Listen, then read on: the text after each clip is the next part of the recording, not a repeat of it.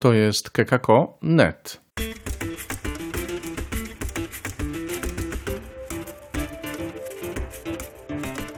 Rozmawiam z Ireną Kaszurą, pasterzem oazy Koinonian Chrzciciel w Chemnitz w Niemczech. A okazją do rozmowy jest y, współpraca, jaką y, nasza wspólnota nawiązała z siostrami misjonarkami miłości, tymi siostrami od Matki Teresy z Kalkuty. I Irena, a także oaza w Chemnitz miała z tym coś wspólnego. Co mieliście z tym wspólnego?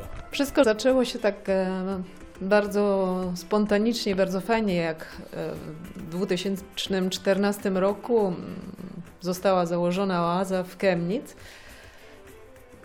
Kilka miesięcy później zapukały do naszych drzwi, a mieszkają na drugiej stronie miasta i kto je zna, to wie, że one nie mają samochodów, więc jeżdżą tylko tramwajem. Przejechały całe miasto, ponieważ usłyszały, że jest tam jakaś wspólnota, o której się mówi różnie, a one stwierdziły, nie chcemy słuchać, co in, inni mówią o nich, chcemy same ich doświadczyć. Więc przyjechały w dwójkę i chciały nas poznać. Mhm. Także to był Tak po początek. prostu na herbatkę. Tak po prostu na herbatkę. I to był pierwszy taki kontakt, ale jak to się mówi, miłość od pierwszego wejrzenia. E, Od razu przypadliśmy sobie do serca, bo no wiadomo, pracujemy dla tego samego szefa.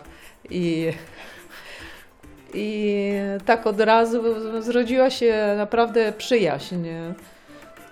W tym sensie, że mm, czasami jak rano w ich kaplicy domowej nie ma kto odprawić dla nich mszy, więc Michael odprawia im mszę po angielsku. A potem zaprosiliśmy je do nas e, na pizzę, żeby o tak e, pogłębić naszą przyjaźń. Byliśmy tam u nich czasami na jakiejś e, modlitwie, która jest typowa dla nich, wiadomo, inna duchowość. I tak powoli się rozwijała ta nasza przyjaźń. Zaczęło się bardzo po ludzku, bardzo sympatycznie. A powiedz w takim razie o tym wymiarze takim, powiedziałbym, duchowo-pastoralnym. Jak to się rozwijało? Wiadomo, one prowadzą tą jadalnię dla, dla bezdomnych i sugerowały nam, że dobrze by było, gdybyśmy byli gotowi któregoś dnia w tym czasie, jak ci bezdomni konsumują swój posiłek, żeby im coś powiedzieć, ogłosić Jezusa, bo one same tego nie potrafią. A że już inne jakieś tam kościoły wolne też się tym interesują, że przychodzą na przykład i e, raz w tygodniu pomagają w- rozdawaniu jedzenia i głoszą e, w tym momencie krótko Jezusa. One mówi, dlaczego nie zrobić tego też ze strony jakoś katolickiej, a wiedzą, że my to robimy, więc nas e, zaprosiły. No to jest duże wyzwanie, bo te osoby, które tam akurat jedzą, no, to ich jedynie interesuje jedzenie.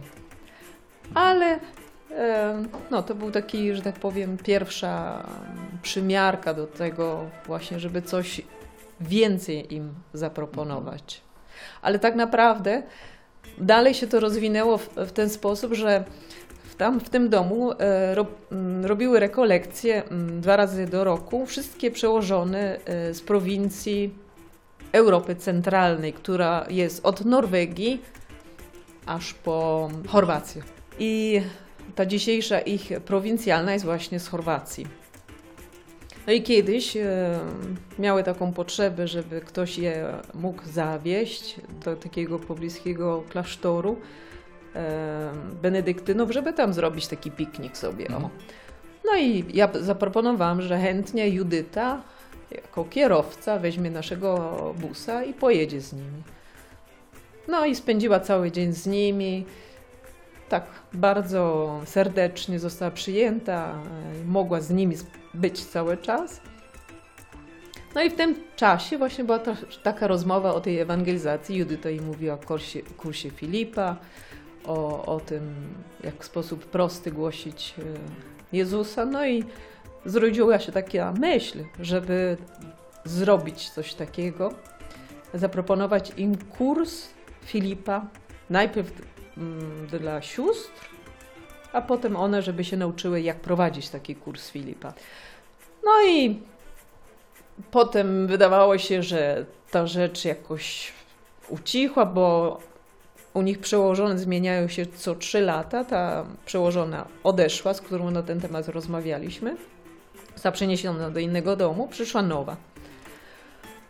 Ale się okazało, że ten temat był ciągle otwarty i na wiosnę ubiegłego roku e, właśnie był taki pierwszy moment, kiedy one zorganizowały e, z pomocą księdza należącego również do, do tych misjonarek miłości, pracującego na co dzień w Tijuanie w Meksyku, Polaka, który od ponad 20 lat jest e, księdzem tej wspólnoty, przeprowadził taki właśnie kurs dla bezdomnych, głosząc im Jezusa.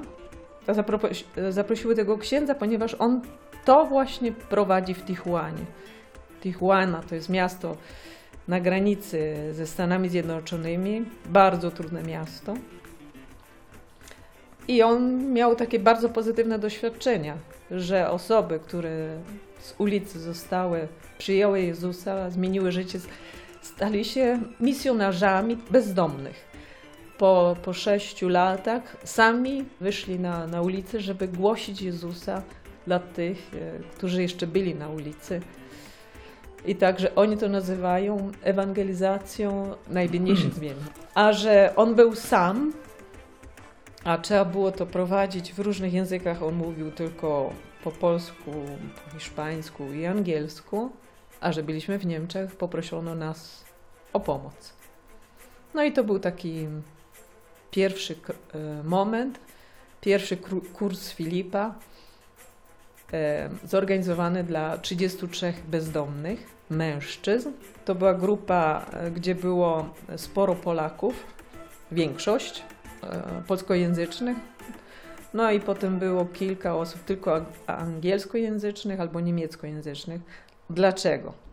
Bo te siostry w swoim wielkim zapale głoszenia Jezusa dla bezdomnych przywiozły tych bezdomnych z całej Europy. Także mieliśmy tam ludzi z Rotterdamu, z Kopenhagi, z Monachium, z Wiednia. I ludzi, których zabrały dosłownie z ulicy.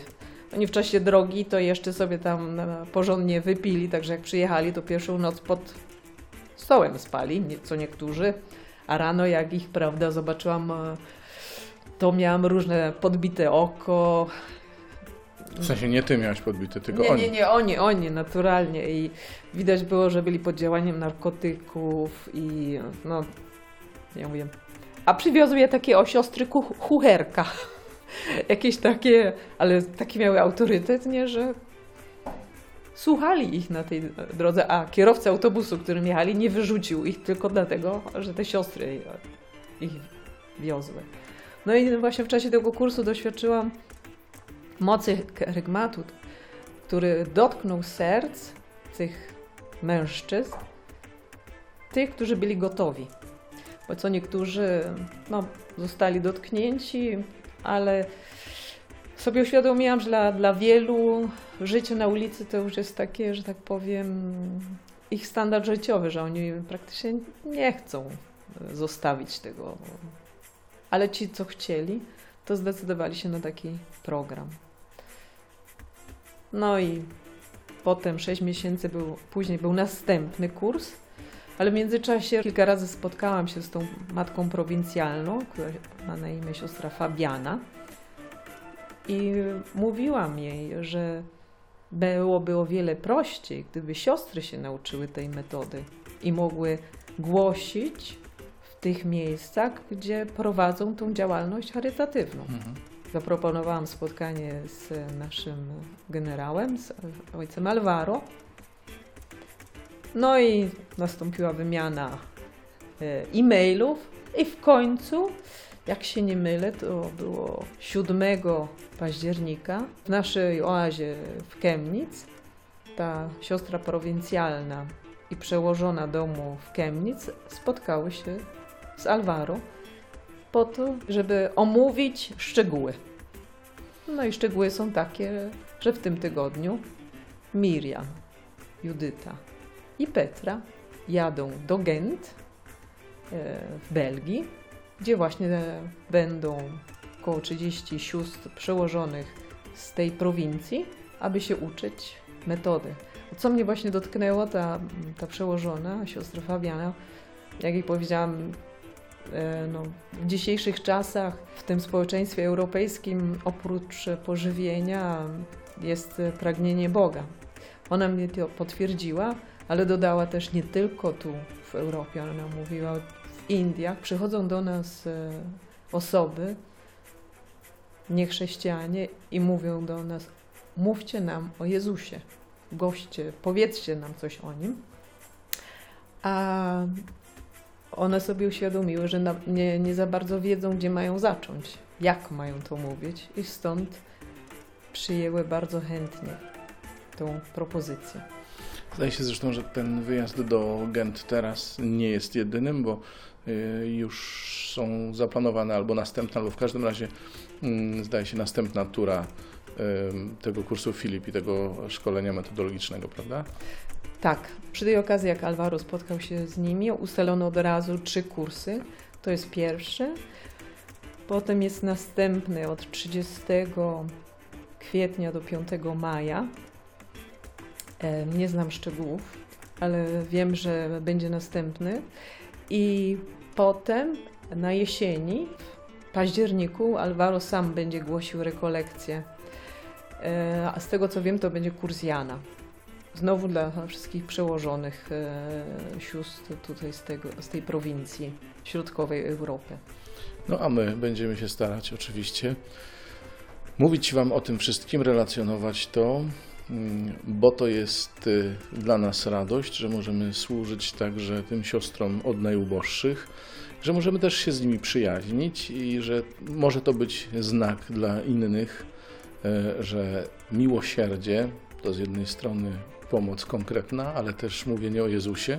A dla nas na pewno przypomnienie, że to nie tylko kerygmat, ale także konkretna obecność pomagająca, tak jak to robią siostry misjonarki miłości. Irena, bardzo Ci dziękuję za rozmowę.